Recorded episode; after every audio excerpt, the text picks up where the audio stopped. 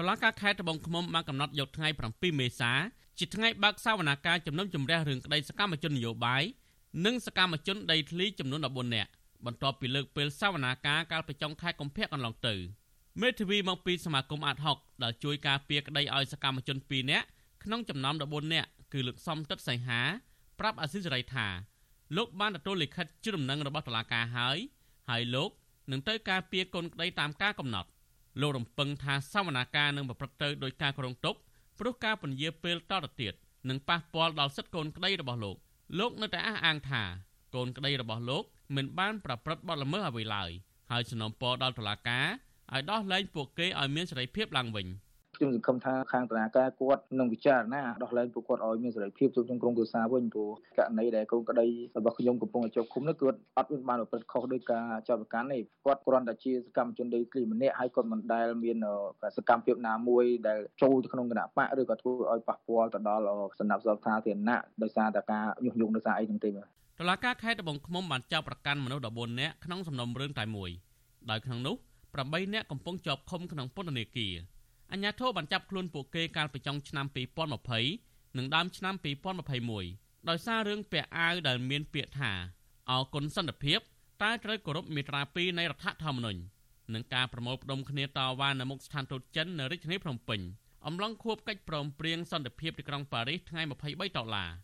ក្នុងចំណោមអ្នកជាប់ឃុំទាំង8នាក់នោះ6នាក់គឺជាសកម្មជនគណបកសង្គ្រោះជាតិហើយ2នាក់ទៀតជាតំណាងសហគមន៍កសិករ និងសកម្មជនដីធ្លីតឡាការបានចាប់ប្រកាន់ពួកគេផ្សេងផ្សេងគ្នាពីបទផ្ដាំគំនិតនិងសំគំនិតនិងញុះញង់ឲ្យមានភាពវឹកវរធ្ងន់ធ្ងរដល់សន្តិសុខសង្គមនាយករងទូបន្ទុកផ្នែកខ្លំមើលសិទ្ធិមនុស្សនៃអង្គការលីកាដូលោកអំសំអាតមានប្រសាសន៍ថាសំណុំរឿងនេះមានចរិតជាសំណុំរឿងនយោបាយពីព្រោះក្រុមសកម្មជនទាំងនោះរងការចោទប្រកាន់ដោយសារតែសេរីភាពបញ្ចេញមតិរបស់ពួកគេលោកបន្ថែមថាអាញាធរហាក់មិនមានភ័ស្តុតាងគ្រប់គ្រាន់ដើម្បីចាប់ប្រកាន់សកម្មជនទាំង14នាក់ ឲ្យស្របទៅនឹងបទចោទនោះឡើយបើយើងមើលទៅលើការចាប់ប្រកាន់ហ្នឹងផតាមភិក្ច្រើនទៅលើការទំនាក់ទំនងការទំនាក់ទំនងជាការជាឯកជនភាពរបស់ពួកគេណាហើយយកមកចោទប្រកាន់ជាបទល្មើសអាហ្នឹងខ្ញុំគិតថាក៏វាការរំលោភទៅលើសេរីភាពក្នុងការចេញទេរបស់គេនឹងអត់បាទអាស៊ីសេរីមិនអាចតាក់ទងអ្នកនាំពាក្យតុលាការខេត្តត្បូងឃ្មុំតាមទូរស័ព្ទលោកថេងជាងដើម្បីសូមអធិប្បាយរឿងនេះបានទេនៅថ្ងៃទី1មេសាចាប់តាំងពីឆ្នាំ2020មក របបលោកហ៊ុនសែនបានចាប់ខ្លួនសកម្មជននយោបាយសកម្មជនសង្គមអ្នកការពារបរិស្ថានយុវជន និងអ្នកបញ្ចេញមតិរិះគន់ដាក់ពន្ធនាគារប្រមាណជា80នាក់ហើយអ្នកទាំងនោះរងការចោទប្រកាន់ពីបទរួមគំនិតក្បត់ញុះញង់ឬបទជេរប្រមាថជាដើមក៏ប៉ុន្តែសហគមន៍ជាតិអន្តរជាតិរួមទាំងក្រុមអ្នកជំនាញសិទ្ធិមនុស្សអង្គការសហប្រជាជាតិផង